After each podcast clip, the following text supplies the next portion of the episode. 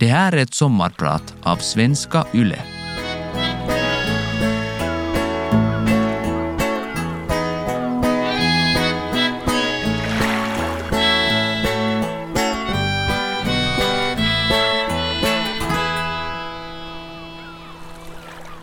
Timo Soini kastade av sig vinterrocken och ställde sin pappersfyllda väska med en smäll på stolen i Sannfinländarnas grupprum i riksdagen. Det var i slutet av januari och Helsingfors var klädd i en gnistrande vinterskrud.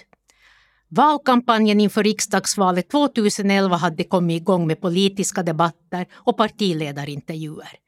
På valkvällen i april skulle Soini triumfatoriskt utropa Jytky tuli då det stod klart att Sannfinländarna femfaldigat sitt stöd. Finland upplevde i likhet med många andra europeiska länder hur radikala högerpopulistiska partier stärkte sin närvaro i de nationella parlamenten.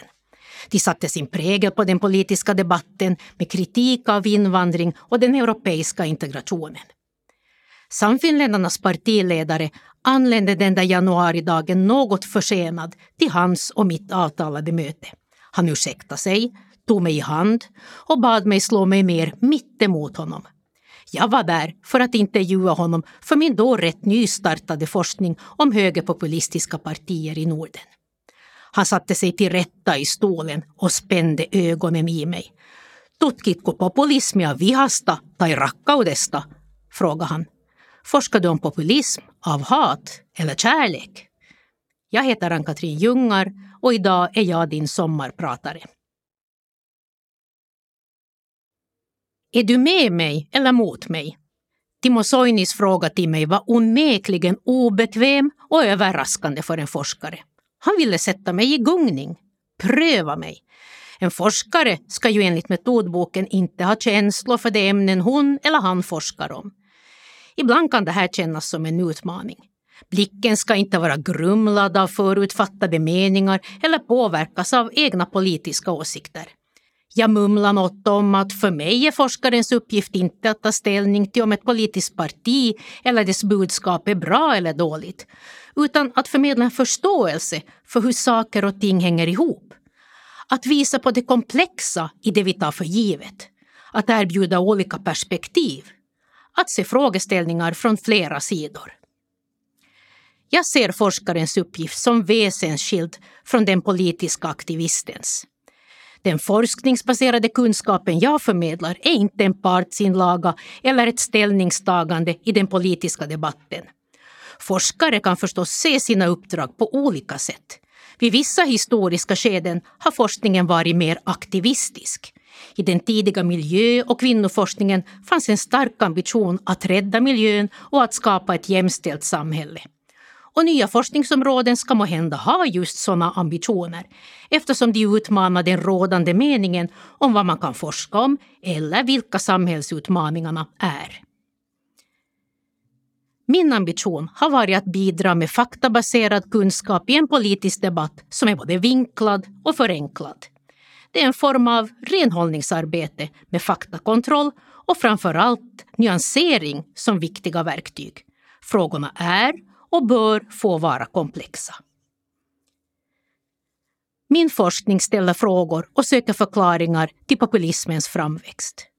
Hur kommer det sig att högerpopulistiska partier som vill bygga verkliga och symboliska murar genom sitt motstånd mot invandring och EU tagit plats i våra demokratiskt valda beslutsfattande församlingar under de senaste 15 åren? Varför sympatiserar allt flera med partier som uttalar sig hatiskt mot utsatta grupper och människor i nöd och håller invandrarna som syndabockar för sånt de tycker blivit sämre? Är alla sympatisörer rasister? Eller är det känslan att ha blivit sviken av de gamla partierna som får väljaren att lägga sin röst på högerradikala partier? I hur stor utsträckning handlar det om övertygelse? I hur stor utsträckning om missnöje? Timo Soini följde mig till ytterdörren och i hissen ner tackade han mig för intervjun. Soini sa att vårt samtal nästan varit som att träffa prästen i biktstolen. Något som han regelbundet förväntades göra som troende katolik. Att i samtalet med mig, oemotsagd och lyssnat på, få berätta sin version av sin historia. Att få tala om saker han inte gjorde dagligdags, det uppskattade han. När jag tagit adjö av Timo Soini och gick ner för riksdagshusets trappor försvann också den där pinsamma känslan av att ha blivit överrumplad och svarslös. Det slog mig att hans inledande fråga kärnfullt speglade hans populistiska idévärld. Hat eller kärlek? Ett val mellan två alternativ. Aldrig något mittemellan. Inte den position som jag i min forskarroll söker. Att samtidigt se saker från flera perspektiv. Nu grät mamma igen när vi hade främmande. Tårarna rann långsamt ner för kinderna medan gästerna drack kaffe med hembakta bullar i vår lilla tvårumslägenhet på Västersundsgatan i Jakobstad. Jag hade kommit till världen för att Uffe hade dött. Min storebror som jag aldrig har träffat. Han dog i akut struplocksinflammation några månader innan han skulle fylla tre. Uffe lämnade min mamma Aidi, pappa Per och storebror Dan i en stor sorg.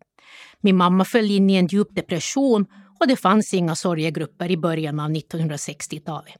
Man skulle bita ihop och gå vidare och inte ställa frågor. Men bitterheten fanns kvar. När den jourhavande läkaren kom så kom han direkt från krogen och var berusad. Fick verkligen Uffe den akuta hjälp han borde ha fått?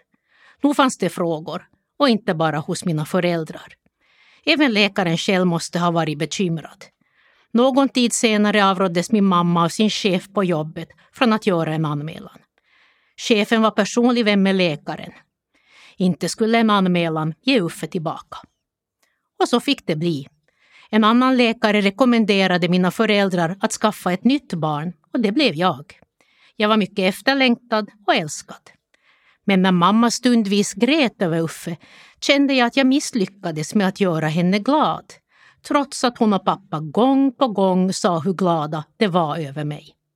Små barn agerar för att överleva. De anpassar sig. Som liten flicka tog jag självmant på mig ett stort, för att inte säga omöjligt, ansvar. Mina sinnen och mina tankar var ständigt riktade mot mamma. Jag fick inte göra henne ledsen. Och ingen annan heller, för den delen. Jag var nog en snäll och duktig flicka och tog vid behov mamma i försvar, fastän det väl inte behövdes. När Jesus ramlade ner från den blåa flanellografen sa jag till kompisarna i söndagsskolan att de skulle sluta skratta. Mamma var söndagsskollärare och berättade hur Jesus mättade tusentals människor med fem bröd och två fiskar. Och så damp Jesus ner i golvet. Klart att barnen tyckte det var roligt. Och jag undrar om inte mamma drog på smilbanden också. Men ja, jag tyckte inte det var lika roligt när mina söndagsskolekompisar skrattade åt mamma. Jag skulle aldrig berätta för mamma att min lekkamrat Mats på vägen hem från söndagsskolan sagt Vet du, det där med Gud och Jesus, det är bara skit. Tårarna torkade jag i trappuppgången och såg till att inget fanns kvar som kunde oroa mamma när jag klev över tröskeln hem. Jag tränade tidigt upp mina känselspröt för människor, för känslor i ett rum, min empati. Ibland kan det vara jobbigt, men mina osynliga antenner har varit en styrka i min forskning. Jag har tidigt känt, utan att direkt kunna formulera det i ord, det som finns i luften. Flera av mina forskningsidéer har kommit till mig på det viset. Så var det 2006 när jag formulerade mitt första forskningsprojekt om populism tillsammans med några kollegor på Södertörns högskola. Många ifrågasatte relevansen i det vi ville göra. Men det blev faktiskt viktigt och relevant. Timo Soinis fråga om mina känslor för populismen var ett kärnfullt uttryck för populismens världsbild. Populismen målar politiska konflikter i svartvita färger. Komplexa frågor ges tvärsäkra svar. Det kommer att bli mer pengar till mormor på äldrevården om invandringen stoppas. Nej-sidans mantra under brexitkampanjen var “Take back control”. Om vi går ur EU tar medborgarna tillbaka kontrollen över det politiska beslutsfattande och återfår sitt självbestämmande. Populismen har en polariserande effekt genom ett språkbruk där grupper ställs emot varandra. Den politiska eliten ställs mot det vanliga folket. Invandrare ställs mot det egna folket. Vänner ställs mot fiender. Ett vi ställs mot ett de. Vi är de goda, de andra är de onda. Den populistiska ledaren utlovar, likt en frälsargestalt, räddning mot det som anses söndra gemenskapen i samhället. Vi ska ställa allt till rätta. Allt kommer att bli bra. Populisternas framtid återfinns påfallande ofta i backspegeln. Populismen är nostalgisk och vill vrida klockan tillbaka. Så som det var förr. Eller så som många upplevde att det var förr. Det populistiska paradiset är en idealiserad version av historien då alla bodde tillsammans och var lika varandra till kultur, språk och etnicitet. Då familjen bestod av en mamma och en pappa. Då kvinnorna stammade hemma och tog hand om barnen. Och så vidare. Populister använder sig ofta av städmetaforer. De vill städa ut allt som är smutsigt. Trump sa att han ville göra rent i träsket eller drain the swamp i sina angrepp på etablissemangen i Washington och på Wall Street. Jean-Marie Le Pen skulle sopa bort invandrarna från de franska gettorna. Och Veikko Vennamo gjorde liknelsen av bastun som både ett kroppsligt och andligt träningsblad för det finska folket i kampen mot de korrumperande politikerna eller de rötösherrat han uppviglade mot på 1960 och 70-talen. Alla dessa städmetaforer är något förvånande. Kanske den enda gången de här männen med traditionella synsätt på kvinnor och familjen och som i samtiden är antifeminister tagit på sig ett kvinnogöra att städa. Förutom städandet har murbyggande en särskild plats i populisters retorik. Det här är nog välbekant för de flesta. Och förutom Trumps fysiska murbygge finns många exempel på de synliga och osynliga hinder man vill resa. Under det kalla kriget byggde de kommunistiska länderna murar för att medborgarna inte skulle kunna ta sig ut. Nu byggs murar för att människor inte ska kunna ta sig in. Jag växte upp i Jakobstad under 1960 och 1970-talet. Den lilla småstaden vid kusten med en hamn ut mot världen var en spännande miljö för ett barn som observerade och upptäckte världen. Jeppis bjöd på många världar. Den finskspråkiga, den svenskspråkiga. Landet, havet. Bondesamhället, industrin det inhemska och det internationella, det borgerliga och det röda. Allt samlat i ett litet samhälle där de flesta kände varandra, ibland direkt och ibland indirekt. Det fanns många olika sätt att leva på. Det fanns många olika rum och för ögat osynliga murar. Sådant som jag först anade, som gjorde mig nyfiken och som jag sen fick lära mig mer om. Författaren Lars Sund gav en målande beskrivning av Jeppisbornas unika miljö och den utåtriktade natur som kan anses prägla dess invånare. När en Jeppisbo spanar i fjärran, från sitt platta landskap, ser hon ut över havet. Därför hamnar Jeppisbor på de mest avlägsna ställen. De funderar inte bara över vad som finns bakom närmaste kulle, utan måste resa mycket längre bort för att se vad som finns bakom horisonten. Vem är Lenin? frågade jag mamma. Vi var på besök hos pappas arbetskamrat och det fanns vackra röda böcker i familjens bokhylla som jag nyfiket inspekterade. Jakobstad var arbetarstaden med de många stora industrierna, Schumann, Strängberg och Wärtsilä. Arbetarstaden var ett klassamhälle med direktörer och tjänstemän som bodde i de fina husen på de fina gatorna och arbetarna som kom från den omkringliggande landsbygden. Till skillnad från andra finlandssvenska småstäder styrdes Jakobstad från och till av Socialdemokraterna. Några timmar efter att manskören sjungit Vintern rasat marscherade både Socialdemokraternas och kommunisternas majtåg på stadens gator. Att växa upp i tvåspråkighet kan vara en styrka. Det stärker förmågan att se sin omvärld i dubbla perspektiv varför säger Kenneth och Kjell billiga boden när det heter Halpahalli, undrar jag. Stadsnamnet Jakobstad fanns också på ett annat språk, Pietarsaari. Jakobstad var på så sätt egentligen två städer, en på svenska och en annan på finska. De två språken levde bredvid varandra i parallella liv. Skolorna var åtskilda, kyrkan likaså och idrottsklubbarna. Idrottade man på svenska var man med i drott, idrottade man på finska var det into. Det fanns både konkurrens och misstro. Det var lätt, om man tillhörde det svenska Jakobstad, att se ner på det finska. Vi och det. Jag fick tidiga insikter i sådana skillnader som jag inte förstod just då. På gården hemma på Västersundsgatan hade jag finska lekkamrater. Vi umgicks obehindrat och hade roligt tillsammans. Vi ordnade föräldraförbjudna cirkusföreställningar och lyssnade på finsk schlagermusik. Suklaasydän, vilket härligt ord! Vi besökte också Matti och Maja som under en tid bodde i min mammas föräldrahem på Furubacka. Det var så mamma lärde sig finska. Ett nytt språk öppnade dörrar till en annan värld. Matti och Maja ratade kantarellerna vi hade med som gåva när vi kom på besök till dem. De ville hellre ha brunriskorna för sina svampinläggningar. Vi lärde oss av varandra. Vi såg världen från flera sidor. Gud bodde i många hus i Jakobstad under min uppväxt. Och det gör han väl fortfarande. I den stora gula träkyrkan på änden av Storgatan. I baptisternas vita hus ett stenkast därifrån. Pingstvänner, adventister, missionsförbundare och lästadianer. Alla hade de sina egna hus där Gud bodde. Gud talade också olika språk i sina olika hus. Inte bara finska och svenska, ibland också tungomål.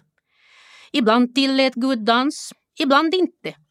Hos vissa tillät han preventivmedel, hos andra inte. Ibland gillade han kvinnliga präster, ibland inte. Jakobstad var och är som en amerikansk småstad med kyrkor och bönehus i många hörn. Präglat av ett inflytande från många håll under lång tid. Lamporna över Storgatan i Jakobstad är ett belysande exempel. Tro, hopp och kärlek. Det är tack vare sjömännen som inspirerades av de kulörta lampor de såg i andra delar av världen som traditionen nådde Jakobstad att lätta ankar och plocka fram kikaren. Så blev Jeppisbornas liv rikare. Man varken sjunger eller läser vid bordet. Pappa var svarvare vid Wärtsilä och kom hem vid fyra tiden och gjorde kvällsmaten. Mamma kom 45 minuter senare cyklande från skeppsstuveriet där hon jobbade som bokförare. Jag hade satt mig vid matbordet med näsan i en bok. När jag blev tillsagd att inte läsa flyttade jag mig ner på golvet, uppslagen, för att om möjligt kunna fortsätta snegla ner i boken. Tiderna förändras, men visst består. På samma sätt är det med dagens unga som uppmanas lägga ifrån sig telefonen. Vår inbyggda nyfikenhet och vår vilja att nå utanför rummets gränser kännetecknar oss, särskilt i unga år. Det ligger något djupt mänskligt i detta.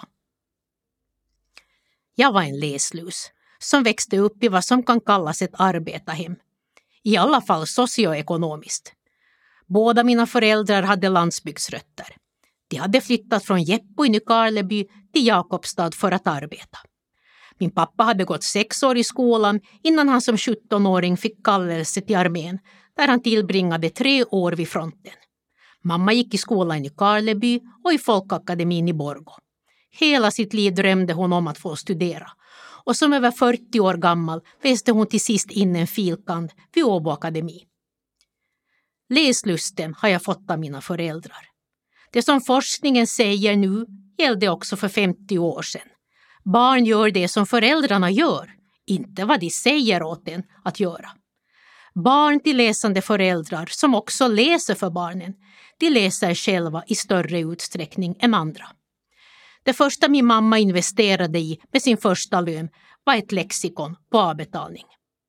En gång i veckan gick vi också tillsammans till biblioteket och när jag kunde gå ensam blev biblioteket mitt andra hem, ett fönster till omvärlden. Jag slukade i stort sett allt jag kom över. Från Wallströms böcker med röda ryggar via djurens etologi till Heights rapporter om amerikanernas sexualvanor. Lägenheten var dessutom fylld av tidningar, Jakobstads tidning, Hufvudstadsbladet, Arbetarbladet, sändebudet Ungdomsvännen, Kyrkans ungdom, Kamratposten, EOS och senare hästtidningar på svenska, finska och engelska. Och med Sisa, min extra mamma, som var hos mig från det jag var tre veckor till åtta år då mamma och pappa arbetade, lyssnade jag på nyheter från FNB och diskuterade samhällsfrågor. Var det något jag funderade på som hänt ute på gården stängde vi fönstret och jag kunde öppna mitt hjärta. Den större världen kom till mig via böckerna. Jag fascinerades av att det fanns så olika sätt att se på världen. Att det med mig sanning kunde vara den andres lögn. Att det som är rätt på ett ställe kunde vara fel på något annat ställe. Jag upplevde att böcker kunde förändra hur man såg på världen. Att man fick små titthål till hur andra tänker och lever. Att man kan lära känna sig själv genom att läsa om andra. Även i min forskning spanar jag efter titthål till hur andra ser på världen och sig själva. Böcker kan engagera. Jag kommer ihåg när pappa på 60-talet hade läst Rachel Carsons bok Tyst vår och berättade att fågelsången tystnat av ett gift som hette DDT. Jag minns ännu så väl hur jag föreställde mig en alldeles tyst skog. Hur målande kan inte ord skapa bilder i vårt inre? Hur starkt kan inte våra känslor och vår indignation växa över orättvisor? Vi inte bara lär oss av böcker, vi växer också starkare i själen. Bruno lyfte ner mig i båten. Vi var vid bron i Brudsund, en by i Maxmo skärgård.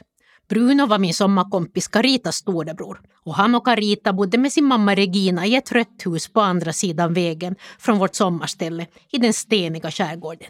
Jag var lite rund och klumpig och hade dålig balans. Så Bruno fick hjälpa mig att komma ner i båten som till bredden var fylld med silverglänsande strömming. Är Dan i Åbo akvarie? frågade han redsamt. Jag suckade lillgamlat och sade att det heter Åbo Adakami och att jag också skulle dit när jag blev stor, till Åbo Adakami. Utbildningsexpansionen som började i slutet av 1960-talet har fortsatt fram till idag allt fler från en högre utbildning. Under de senaste årtiondena har utbildningen blivit allt mer specialiserad och nyttoinriktad. Inriktad mot arbetsmarknadens behov. Utbildning är kopplad till yrkeskompetens. Man utbildas till något. Läkare, lärare, ingenjör och så vidare. Men är den här typen av utbildning en tillräcklig grund för att orientera sig och ta ställning i ett samhälle som förändras i allt snabbare takt? Är det inte mera bildning som behövs? Bildning i meningen insikt, reflektion och att förstå sammanhang. Att ta beslut om sig själv och för andra kräver inte bara fakta utan också en förmåga att förhålla sig etiskt och moraliskt i olika situationer. Bildad blir man inte enbart med högskole och universitetsstudier. Bildning kan erhållas på flera sätt. Man kan bli färdigutbildad men aldrig färdigt bildad.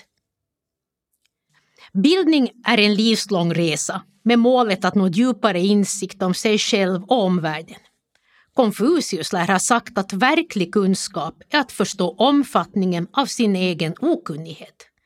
Tvärsäkerhet och fundamentalism går inte ihop med bildning.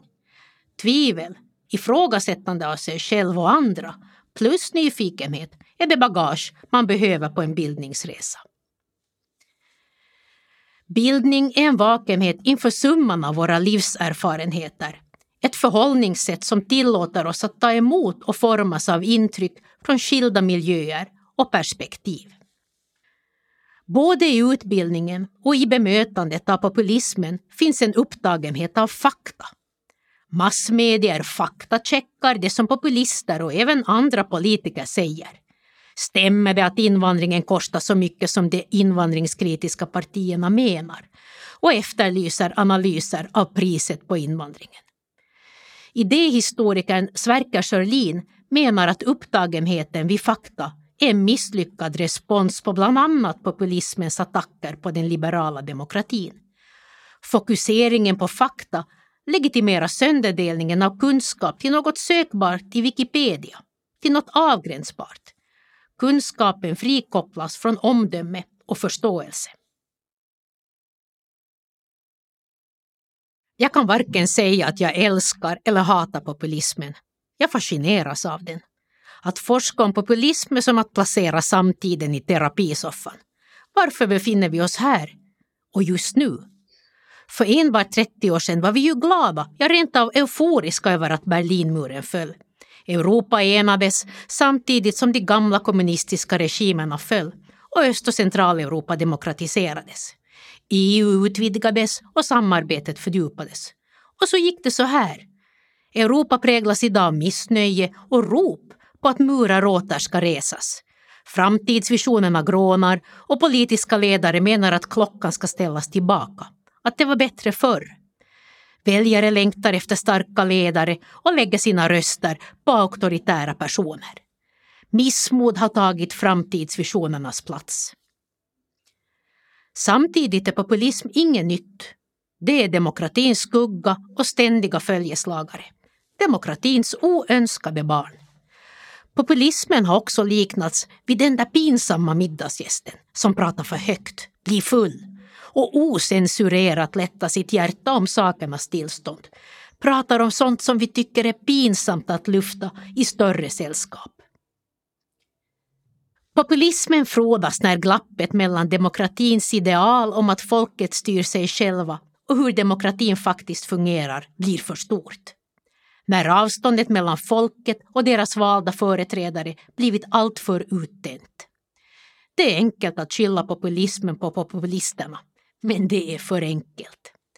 Ansvaret vilar även på de etablerade partierna. Populisterna ställer viktiga frågor men ger i regel förenklade svar. Den europeiska integrationen har utan tvekan länge varit ett elitprojekt utan tillräcklig folklig förankring. När euron infördes viftade de politiska ledarna bort synpunkter om att situationer liknande eurokrisen 2008 kunde uppstå. Och det är väl helt legitimt att ställa frågor om invandring och integration av oro för välfärden och den egna identiteten. En dag kom ett brev till mitt hem i Sollentuna av stämpeln på frimärket som avbildade en av Sveriges landskapsblommor kunde jag läsa att brevet postats i Uppsala. Vem känner jag där, hann jag tänka, medan jag sprätte upp kuvertet. Bäste Ann-Katrin Ljungar, började brevet. Kvinnan som skrivit brevet hade sett mig i tv då jag talat om Sverigedemokraterna och vilka de högerradikala partiernas väljare är. På den tiden när SD nyss kommit in i riksdagen var det främst unga män, folk som bodde på landsbygden och i regel personer utan akademisk utbildning som röstade på Sverigedemokraterna. Nu ville hon berätta någonting viktigt för mig. Jag är en gammal kvinna som har jobbat hela mitt liv fram till pensioneringen. Jag var hemma när barnen var små, men sen har jag jobbat i butik och i hemtjänsten. Nu som ensam sjukpensionär har jag svårt att få det att gå ihop, skrev hon. Hon kände sig sviken av Socialdemokraterna, partiet som hon röstat på i hela sitt liv, fram till nu. Invandrarna får ju så mycket, bostad och sjukvård, medan jag som slitit får kämpa för att få allt att gå ihop. Det känns som om politikerna glömt oss, vi som stretat på och betalat vår skatt. Kvinnan förstod att det nog fanns många som skulle stämpla henne som rasist då hon sympatiserade med Sverigedemokraterna. Och visst, rasister och folk som hatar finns också bland väljarna. Men det är mångfald av olika människor som sympatiserar med högerradikala partier. Kvinnan i Uppsala påminde mig om detta. Möte med människor ger mig möjlighet att tolka vår samtid bättre. Jag har varit förskonad från näthat och inte känt mig hotad för att jag forskar om populistiska högerradikala partier. Däremot har jag fått brev och kommit i samtal med många människor som vill förklara varför just de sympatiserar med Sverigedemokrater och andra högerpopulistiska partier. Jag tror att de gör det för att de anar att jag lyssnar. Inte för att de vill att jag ska dela deras åsikter och världsbilder, utan för att jag i min forskning kan fånga upp deras röster för att förklara varför högerpopulismen etablerat sig i våra politiska system. Det är lätt att göra monster och nidbilder av dem vars åsikter man hatar eller ogillar. De är obildade, okunniga och drivs av irrationella känslor. Men vill man förändra måste man också förstå varför personer sympatiserar och engagerar sig i sådana rörelser. Den kinesiska generalen och militärteoretikern Sun Tzu skrev 500 år före vår tideräkning om konsten att föra krig. Om du känner din fiende och känner dig själv behöver du inte frukta resultatet av hundra slag. Om du känner dig själv men inte fienden kommer du för varje vunnen seger också att lida en förlust. Om du känner varken fienden eller dig själv besegras du i varje slag. Hans insikter gäller även livet i allmänhet. Vi har ju många strider att utkämpa, både med oss själva och varandra. För mig har det här varit självklart. Från min uppväxt fylld av mångfald i småstaden Jakobstad. Via kärleken till böcker och bibliotek, mina fönster till omvärlden. Till forskarens gärning i ett ständigt prövande av teser. Nyfikenheten och behovet av att lyssna till många röster. Så berikas vi alla. Med öppenheten för det okända. I nyfikenhet och i försök att bli bättre människor förståelsen. Där ligger en mänsklighetens kärna. Det är i dessa möten, i den brokiga väven av fria människor och fria tankar som livet och världen blir bättre och rikare. Tron, hoppet och kärleken hänger inte bara över Storgatan i Jakobstad och inte bara från Lucia till trettondagen. Jag heter Ann-Katrin Ljungar och idag har jag varit din sommarpratare.